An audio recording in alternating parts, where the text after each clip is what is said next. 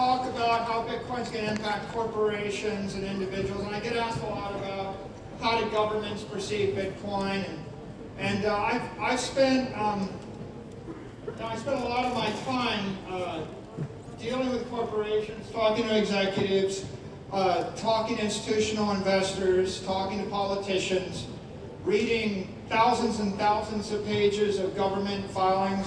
I'm the kind of guy that I will listen to every minute of congressional testimony just so I know what each of the 40 congressmen said or thought.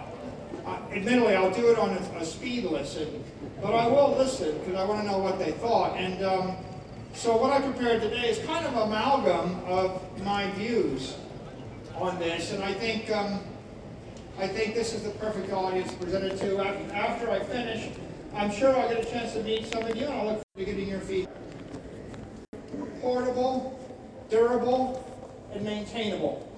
If you're a living creature, you're, you're converting your work into organic energy. We call it fat. Fat's the most scarce, desirable, portable, durable, maintainable asset in the organic world. It might have been demonized, but if you can't generate fat, you're a type 1 diabetic. Life is going to be short and brutal and difficult. You really need to be able to store energy. Now, if you're an individual, company, a family, a government, you have the same exact challenge. Now, we all know Bitcoin is the best asset. Woo!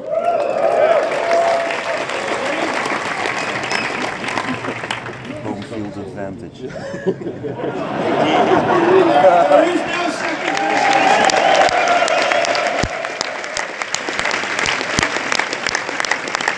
And that is why we are here, right? Asset. Bitcoin is the best. There is no second best. But why is that the case? Well, let's just start with Bitcoin is digital.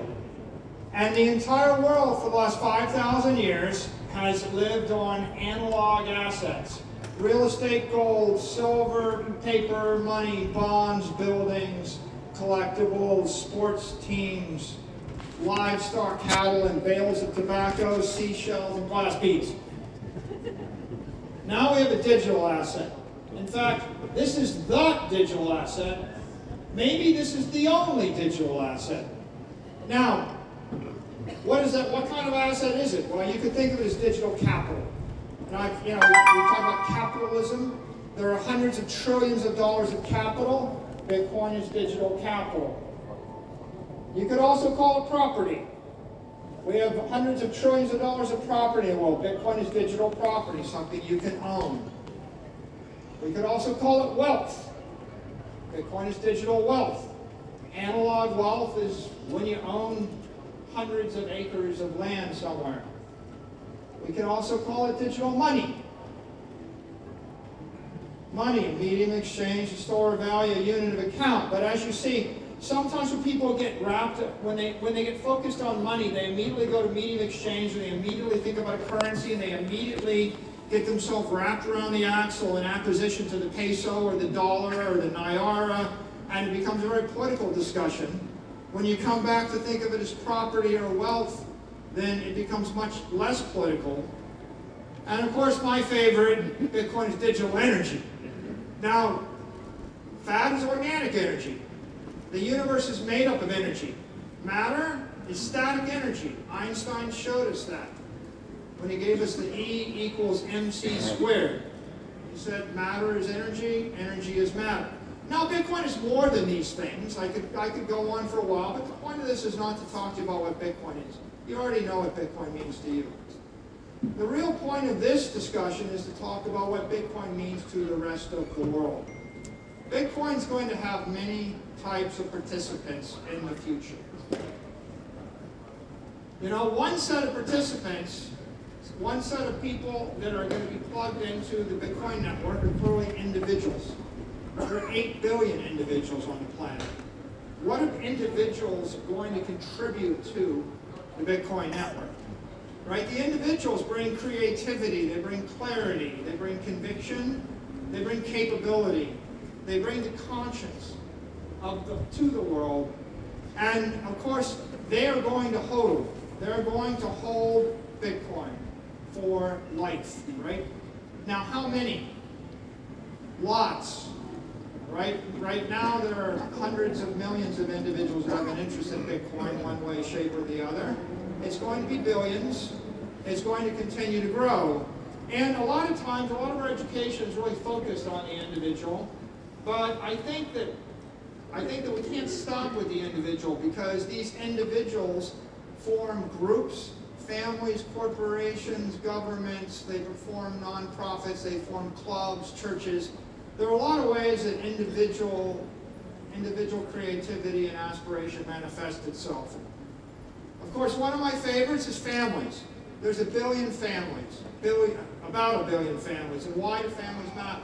They're the future of humanity. That's why they matter. Right? Families bring the compassion, they bring the community, they bring continuity, they bring joy, they bring hope. And, and a family is, is uh, just a much more powerful unit than just an individual. Families will hold. And we start, we're starting to think about families now and how they join the network. But there's a third organization, third type of group, an investment company.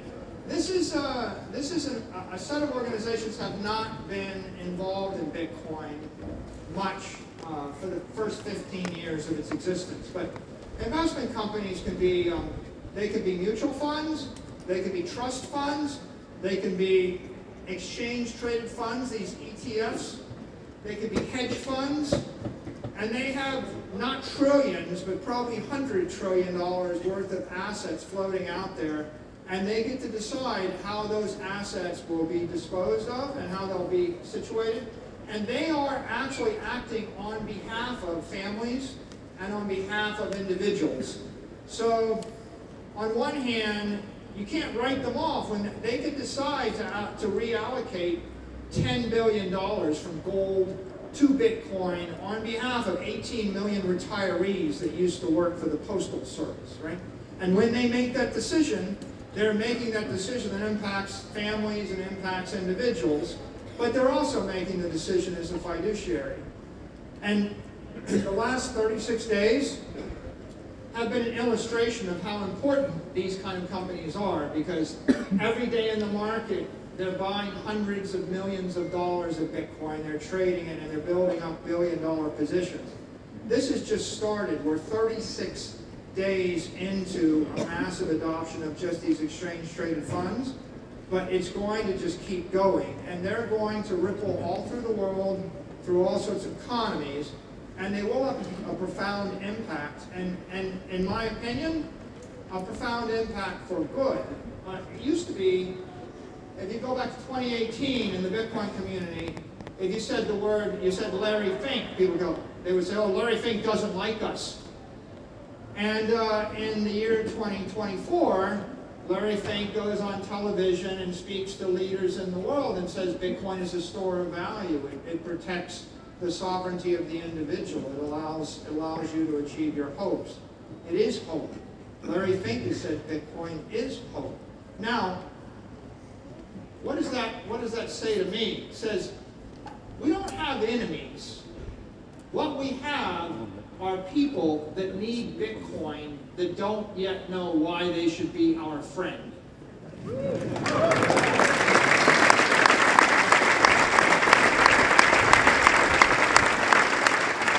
When someone goes on television and they're asked, what do you think about Bitcoin, and they get poked and they're a little bit irritated, they gotta ask the question. They're not an enemy of Bitcoin, they're just not prepared for the question.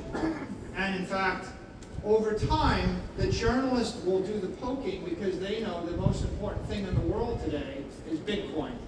And you're going to have a group of people that understand it, that will say it's the future. And you'll have a, a group of people that don't understand it and they will not have embraced it.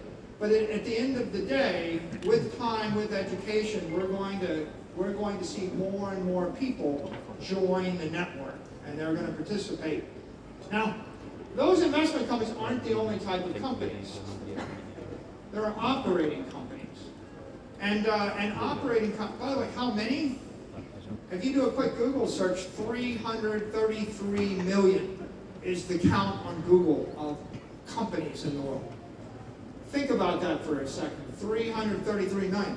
there's a lot of companies, and, and, and all of these individuals and all of these families, they all act through corporate entities. Oftentimes, you'll see a group of five or six or ten or fifty or five hundred or five thousand or fifty thousand. Now, how important are companies? Well, they provide all the products, all the services. They develop technology. Not many people in the room can create their own iPhone. You know, not many people in, in the room want to manufacture and, and ship all their food or grow their own fruit in the winter. These companies are critical to our quality of life. We know that from Wall Street economics. But if you're wondering, like, how long have we had specialization of labor? You know, one, one million years ago, they dug up stone axe factories.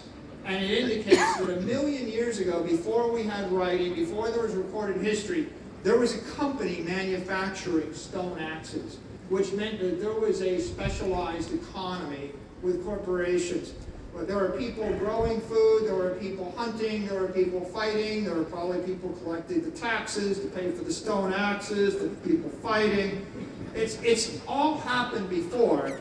And, uh, and today, companies like Apple and Google and Microsoft perform pretty systemically important roles, as does the airline that flew you here, as does the contractor that built the stadium or built the bridges or the tunnels or the airports you landed on.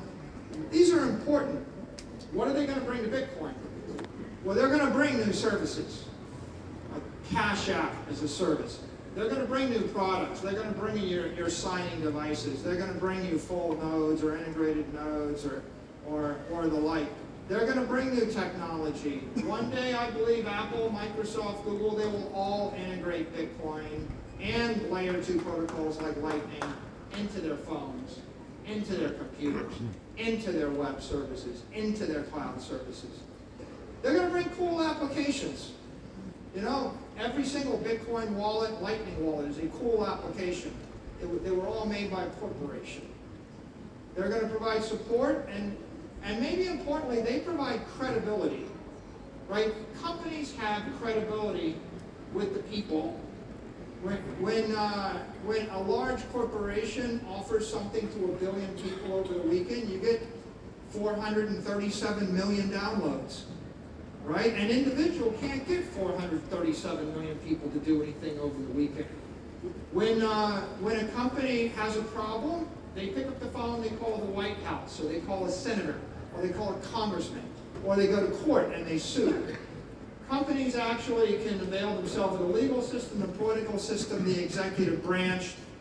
You know, sometimes they're in um, controversies, but companies have credibility, and that credibility will defend the network, it will spread the network, it will enhance the network, it will, uh, it will actually embrace or enhance and support the lives of every individual and every family. We need them. Right? Companies are companies are not, you know, the evil empire creature that's against you. Companies are just made up of people. And the person running the company either understands Bitcoin or they don't.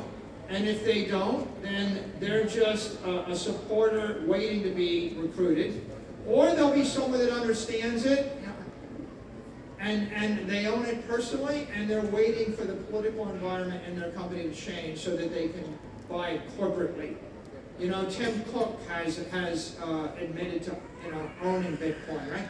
Lots of senior level CEOs own it. Sometimes they're reacting to their shareholders, their board of directors, their employees, their regulators, and privately, individually, they would pursue one, one uh, agenda but publicly because they have to uh, report, or they have to represent the corporate interests and they have to respect the constituencies they serve.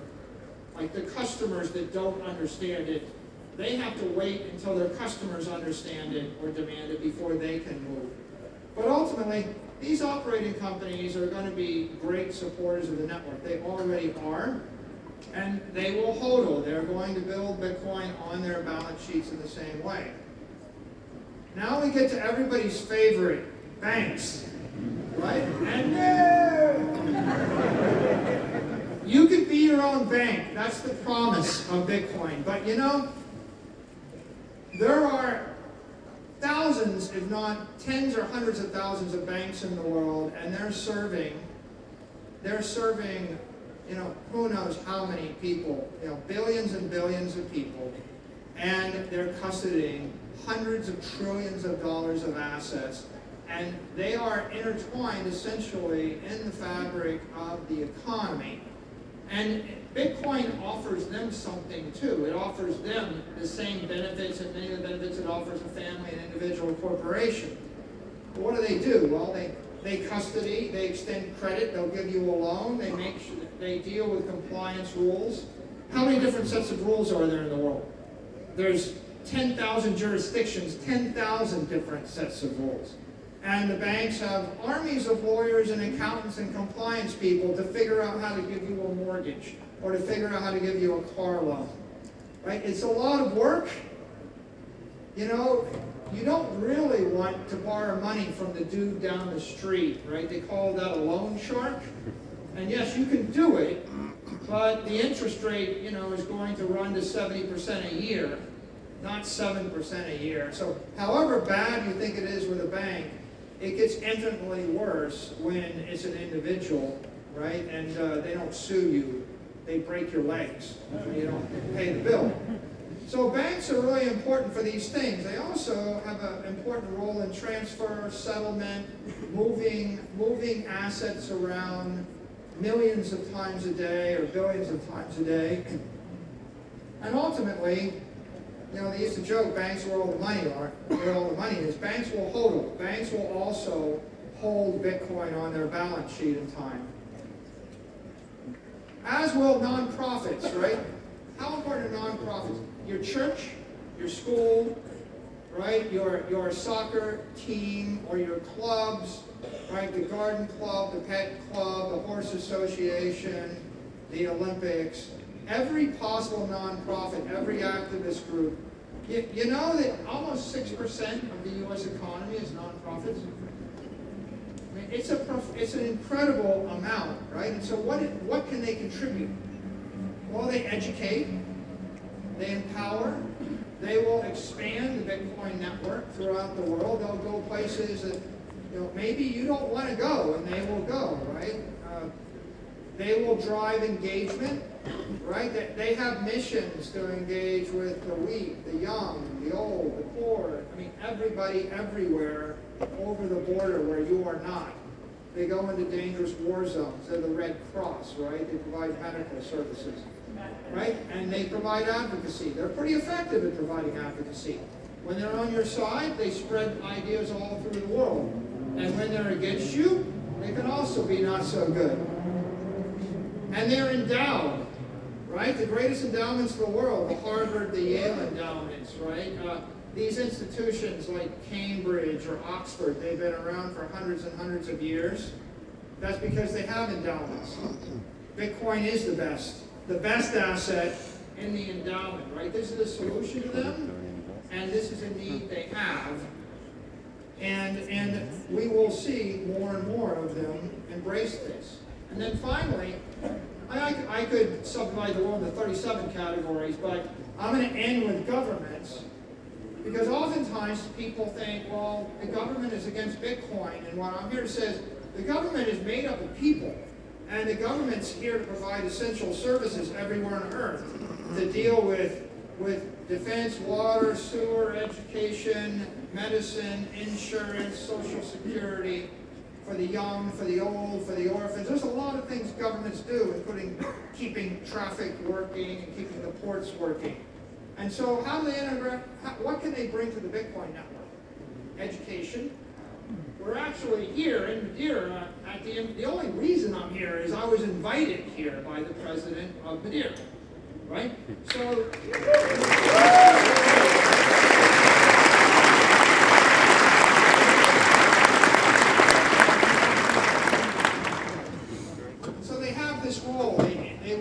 integrate, it will provide security. I think governments will, will eventually engage in Bitcoin mining. They will support Bitcoin miners. They will defend Bitcoin miners. When you see a world of 100 different countries, all of them mining Bitcoin, then an attack on one of the, of the Bitcoin miners may result in a response by another country. So I think the governments will also be advocates, and the governments have balance sheets, and the governments will hold. So everybody here, they all need Bitcoin. They can all contribute to Bitcoin. And they will all support it. So, key point everybody. And when I say everyone, I don't mean every person, I mean every entity. Every, the ones you love, the ones you hate, your enemies, your friends, the company you dislike, the company that you adore, the other family, the whatever, your favorite sports team, and the awful soccer team that beat your soccer team. Sorry, awful football team that beat your football team. It's not just Bedford that needs Bitcoin. Um, everybody benefits from it. They may not know it, but they do benefit. Why do they benefit? Because, because the story of civilization is about purging toxicity from our systems. Right? Humans started living longer when we realized we shouldn't drink water with germs in it. And then we realized we, why we cook our food, to get the toxic germs out of the food. Right? And then at some point we realized that if we could get the toxic pathogens out of our blood, we might live longer. Antibiotics are about getting the toxins out of your blood, right? Sterilization, boiling water is about getting the toxins out of the water. Cooking food is about getting the toxins out of the food. We've lived with toxic money for 5,000 years. The money is simply the economic energy coursing through every government, every corporation, every group, every family, every individual. When it's, when it's moving through your P&L, right, and it's toxic, it's undermining your performance. But when you store it in your treasury, right, then it's actually just undermining your life expectancy. So toxicity is holding us back in 1900, the average life expectancy was 50. By 1950, it was 70.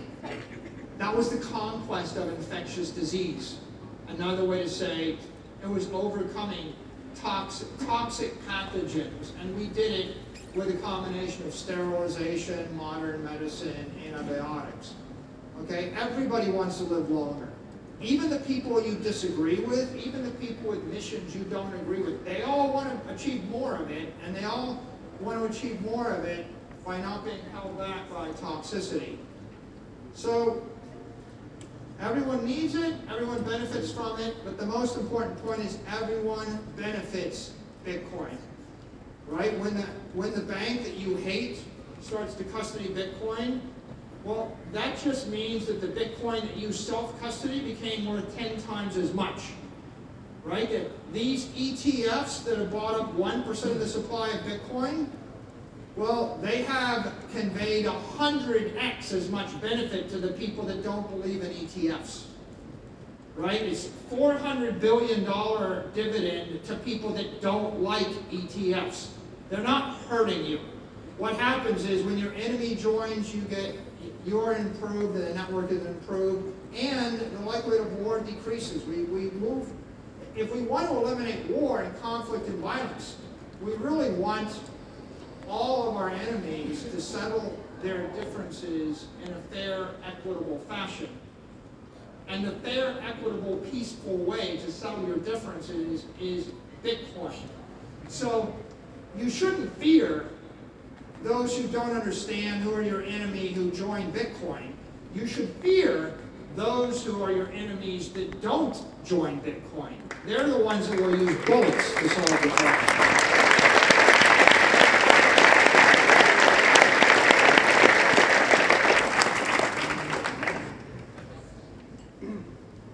So let's get to the happy part. How are individuals going to benefit from Bitcoin?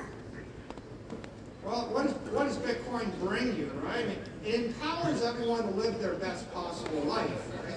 It's bringing you freedom, economic freedom, political freedom. You go where you want.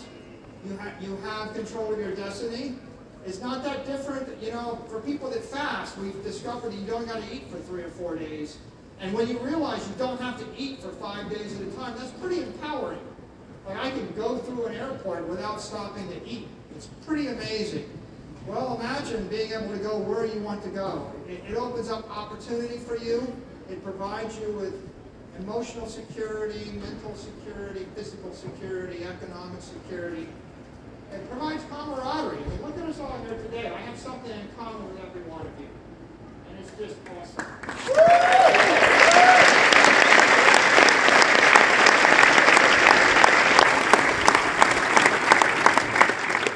Invite you all about your relationships and the nature of your relationships before you discovered Bitcoin.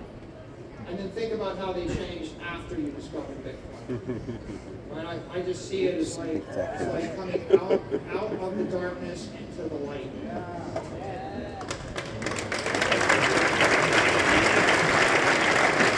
Close.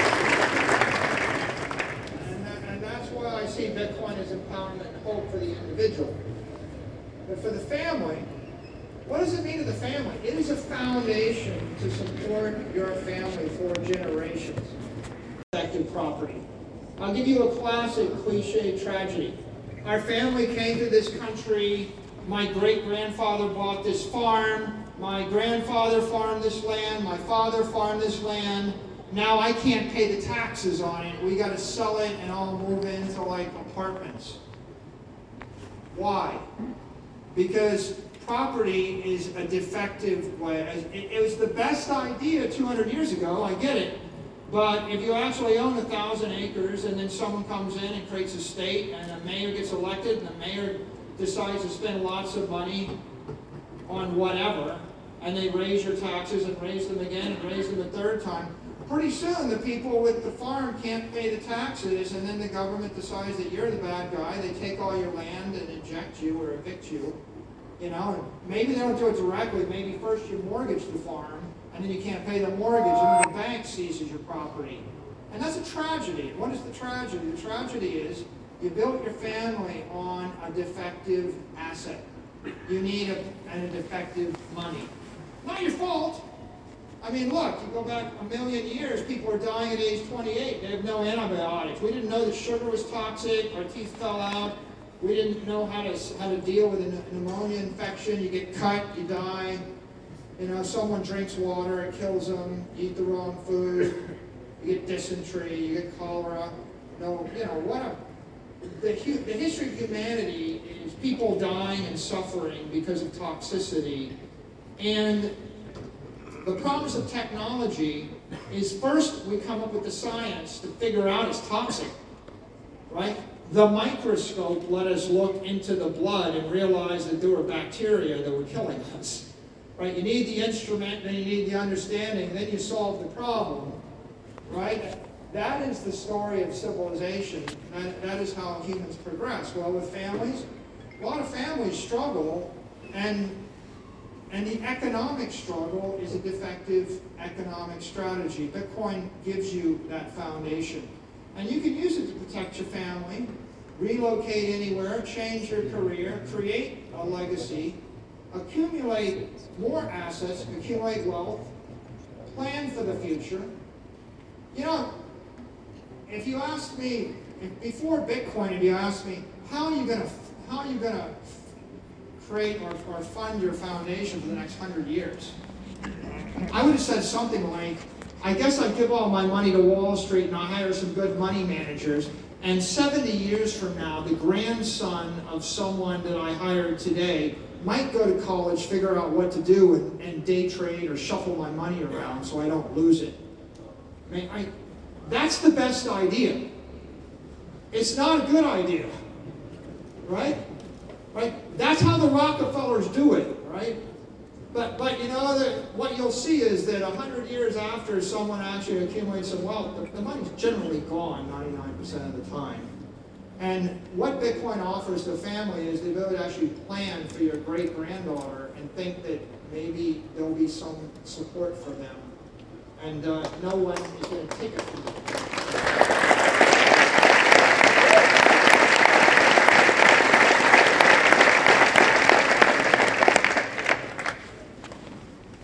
One of those op- one of those investment companies need Bitcoin, right? They need Bitcoin to attract capital. You see it happening, $600 million flowing into BlackRock yesterday, $10 billion in a month. Right, if you look at uh, the ETFs, what you'll see is that the Bitcoin ETFs are crawling up past all the commodities. They're about to eat the gold ETFs, and then they're gonna eat the S&P 500 index ETFs. And When that happens, Oh, yes. Hell yeah. Everybody's gonna take note. Vanguard is gonna take note. Right? The, the world is gonna change. You can't attract capital without Bitcoin, and you can't outperform. Bitcoin is gonna outperform the S&P and gold and bonds. And, and as it outperforms, everyone who's indifferent and objective, who doesn't know what it is and doesn't care, right? They're going to just say, move more of my money over here. Because the world's full of people that would just like to not lose their money. Right? And, uh, and so what we're going to see is investment companies need this to outperform, and that's going to result in them generating income. And that results in them staying relevant. Right? I mean, how many people are bragging about their, you know, new gold ETF? Right? It's not relevant. It's not relevant. Um, you want to be a leader, right? The people that we that we look to are the people that were that, that discovered or, or created Google and Apple and Microsoft, and they create the next airplane. You know, they, they put Starlink in the sky and they give us internet, and they give us the next phone, right? Be relevant, be a leader. These companies want to be leaders. Right? You won't find a CEO that says my aspiration is to be viewed as, as a follower and late to the next great thing. And they don't want to create shareholder value. Right? You can't create shareholder value by shrinking. And so that takes us to operating companies. It's the same thing. But operating companies, for the most part in the world, are like type 1 diabetics. I, I had 100 competitors over 20 years. They all failed. There's a 99% mortality rate for these companies. Right? You look at the number and you're like, well, I don't know 300 million companies. That's because they're failing millions every single month. They're all failing all the time. Why are they failing? They can't store energy. They can't harness capital, right? What does Facebook do? They give all their capital back to the shareholders in a dividend and, and a buyback. What does Apple do? They give their capital back in a dividend and a buyback. They take on debt. How do companies fail? They leverage up. They take on debt. What happens when you take on debt? Well, instead, of, I used to say to people, well, we have 500 million in capital. We could go for 40 quarters. We could go for 10 years and not make any money, and we'll still be in business. It's like you could go for 10 years and not eat and still be alive. That's indestructible.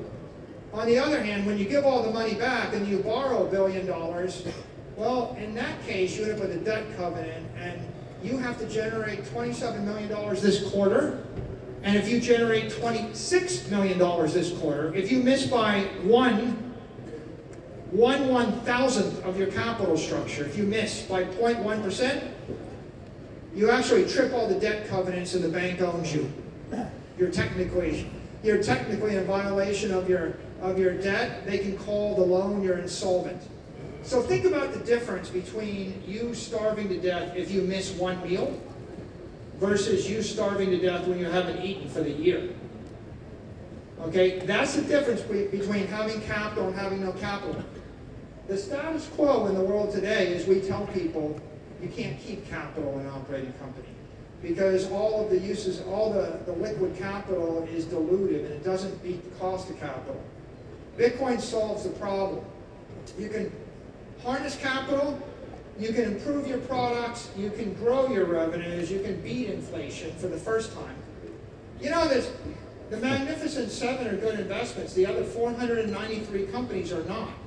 Because the other 493 companies cannot beat inflation. Because beating inflation means raising, increasing your cash flow 8% every year forever. Or more like raising your prices 10% a year forever. Who can do that? A digital monopoly, a company with no cost, with monopoly pricing power. How many of them are there in the world? Like, there's like one in 10,000 companies that you would know of and one in a thousand public companies. Okay, so these companies, the ones that you might be afraid of, they're not winning, right? They're struggling in the same way, and Bitcoin is a lifeline for them. That you could think of them as wage slaves in the same way that you are a wage slave. Everybody is working, having to get 10% more every year just to keep ahead of inflation. It's just theirs is in revenue and cash flow. And so what does Bitcoin offer them? Extended lifespan. You see a CEO and you say, well, are you're going to adopt Bitcoin. He says, why should I? I say, well, it might keep your company from going bankrupt in 10 years. It might, it might allow you to continue to do business and serve your customers for the next 100 years. How many companies are 100 years old? Not many. I'll ask you another question. How many famous education institutions with endowments are 100 years old? Most of them. Right? Why is it that, that universities last 100 years and companies don't? No capital. That's why. You think anybody goes in business wanting to die? They, you think they want to have their company fail in 12 years or 6 years or 25 years? No, they're stuck in a system. Right? They're stuck in a traditional system that makes them do this. Banks have the same issue. They want to attract and retain capital. They want to decrease risk. And you can say, well, you know, the bank is beholden to the central bank. Well, here's another vision. What about 100 times Bitcoin? It becomes systemically robust, much more anti-fragile. This is a benefit to banks, right? They'd like to find a way to do this. This will decrease their risk, increase their earnings, let them create shareholder value, let them delight their clients. They have a billion customers. They have corporations. They need to serve them. All of these companies, all of these nonprofits, they all need the bank to support what they do. Right? And in time they will. The nonprofits are also going to benefit. They want to raise capital, but also they have endowments. They want their endowments to go up 40% a year, not go up 4% a year. Right? There's nobody running a church, a charity, a benefit, a school that will say, we don't want our endowment to appreciate and we don't want an endowment. This allows them to harness technology. This allows them to extend their reach globally. You know, Bitcoin is money that's global and it's got a half-life of forever. All of these, all of these endowments, they're using money that has a half-life of 10 years or five years. Your property might have a half-life of 20 years. Their investments are short duration, and their investments are local, right? Their property is local. So Bitcoin stretches your scope across time and space. Now tell me what charitable pursuit doesn't want to do more and last forever. They all do. Right? You won't find anyone that, that says, well, we just want to be out of business in three years. So Bitcoin's a solution to nonprofits. And for governments, traditionally people have thought, you know, well, the government doesn't like or won't embrace Bitcoin. But you know, they will embrace Bitcoin because Bitcoin provides them with the financial power to thrive in the 21st century. And there's no, there's no government on earth that doesn't appreciate the power of money. Right? This will allow them to lower taxes. It will allow them to strengthen their currencies, defend their sovereignty, improve their economies, join the global community, and delight their citizens. You say, well, could you achieve that with infinite money? And say, well, I don't know if I can achieve it, but it'll make it a lot easier, right? And if you said, well, how about if I just took all your money away from you in five years? Would that make it easier or harder? And the answer is, it would make it somewhere between hard and impossible. So now I get to the important part of my talk.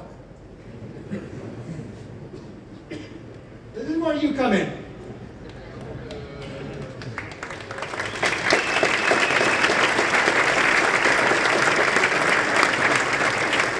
Ask what Bitcoin can do for you. Ask what you can do for Bitcoin.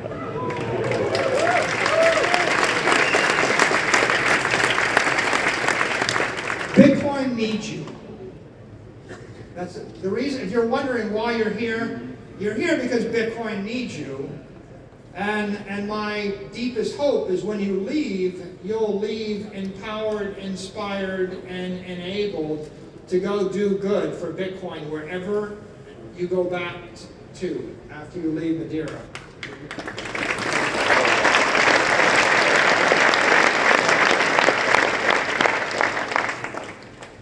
I can't stress this enough.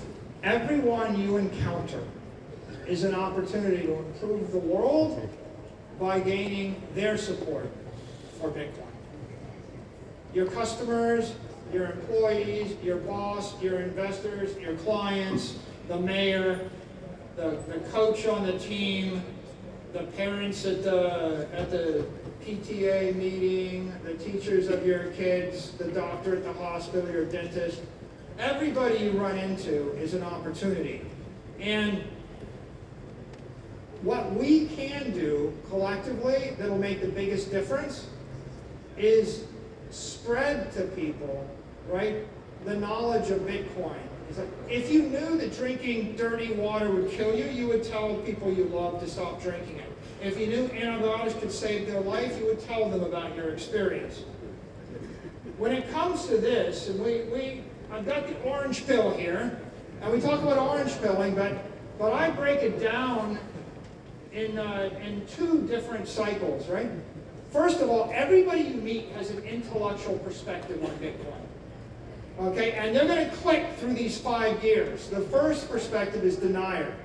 Bitcoin is a scam, it's tulip bulbs, it doesn't exist, it's a ghost, a mirage, a pyramid scheme. Miners in the world and say, oh, you look, there's like hundreds and hundreds of data centers burning more gigawatts of electricity than the US Navy. This is not a scam, this is the most powerful computer network in the world. And we want to get them from denier to skeptic. The skeptic is, okay, I get it, Bitcoin may be a good thing, but it's too good to be true, the government's going to ban it. You hear that a lot. Okay, it's good, I get it, but someone's going to take it away from you, the skeptic. And what you have to then show is, well, if the government was going to ban it, they wouldn't be bragging about having captured three billion of it and selling it in the open market. Right? Nor would they approve the ETFs, nor would they be fighting over who gets jurisdiction over it. Right? And we need to move people from denier to skeptic.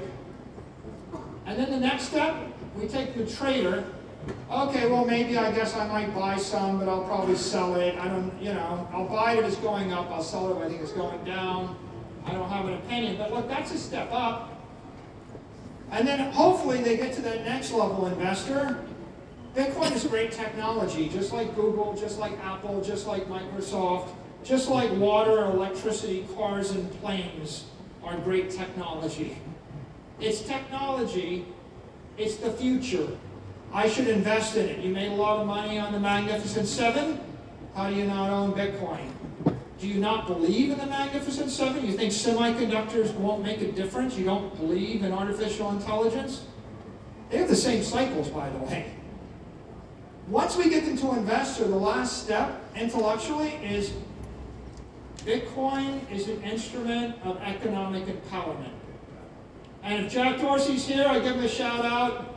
Jack Dorsey put that in my head.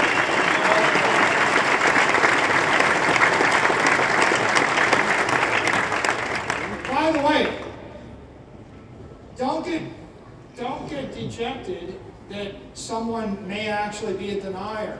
You know who was a denier? Me. And you know what I became next? A skeptic. And then at some point, I looked and I said, you know, the world's kind of messed up and interest rates are zero and my dollars are generating zero. I'm going to buy Bitcoin. And I became a trader. And then after I bought the Bitcoin, I started reading a lot more and listening a lot more podcasts and thought about it. And I realized, no, I should be an investor.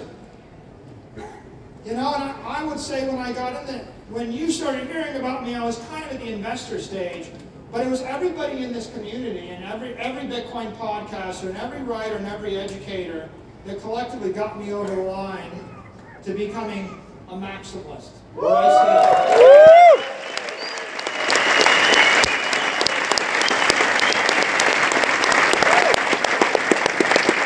One more verse. One more verse. Yeah, if you don't think you make a difference, you do make a difference, right? You're- never going to see a collection of people like this at, a, at an Apple investor conference, or a Google investor, or a Microsoft investor, or Nvidia investor conference, or a gold investor conference. This is very special. Mike, marry me! I like the orange. I'll marry the orange. Um, when you're orange pilling, right, you're working people intellectually, but there's also spiritual. And they all start as observers. It's all the people writing about Bitcoin on Twitter and they observe it, but they don't own any.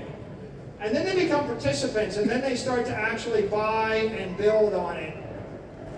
And maybe they own like 1%. And then the believers say, wait a minute, this really is the best asset. And maybe 40% of my portfolio is liquid and my rest of my wealth is in my house. And so they go and they start to put a bunch of their liquid wealth into Bitcoin because they're believers. And then at some point, you get to be hardcore, and I'll call you an adherent. And then you're like all in. It's like the only thing I want to invest in is Bitcoin. You know, I'm not saying you got to sell all your chairs, just the ones you don't need. This is a spiritual journey, and then and then the final point, you become an advocate. And when you're an advocate, it's not just you're all in. You want to go tell other people. You want to convince your company, your charity, your church, your government, your friends, your family. You're an advocate. So think of this as a, as a continuum, and we're working together to move people from the lower left quadrant, you know, denier, observer, and they're going to say, well, don't talk to me about Bitcoin. They know about it, but they don't want to talk about it. And you move to the upper right quadrant, you know, you're a maximalist and you're an advocate. And, uh, you know, and, and you don't necessarily just stay there. We all got to work together to keep ourselves motivated to be in that quadrant because it can be uh, quite a drain. But I, but I just leave you with this thought, right, which is Bitcoin grows stronger with every new participant at any level, right? If, you know, you can say whatever you want about me, just spell the name right, right? Say the name right, Bitcoin, Bitcoin, right? When, when people are talking crap about Bitcoin, we're winning. When they're not sure about Bitcoin, we're winning. When they're liking it, we're winning. When they're debating something, we're winning, right? Bitcoin grows stronger. And um, I posted this yesterday. It's like Bitcoin represents the digital transformation of capital. What is that worth? That is worth half of everything in the human race. It's half of everything. There's other stuff, medicine, politics, education. I don't dismiss it. But the digital transformation of capital and energy and property means that every person, every family, every corporation, every government, every movement can live their best life, achieve their greatest aspirations, right? And, and when you think about that Olympic athlete and you walk in the room and you say, hey, guess what? The new science came in. We don't have to bleed you this week. You know, you get to keep your blood while you're working out. You know, and, and we're not going to cut off your oxygen. Right? At that point, you think maybe you got a chance to win this thing. And so I want to thank everybody and just end with the observation Bitcoin's for everyone.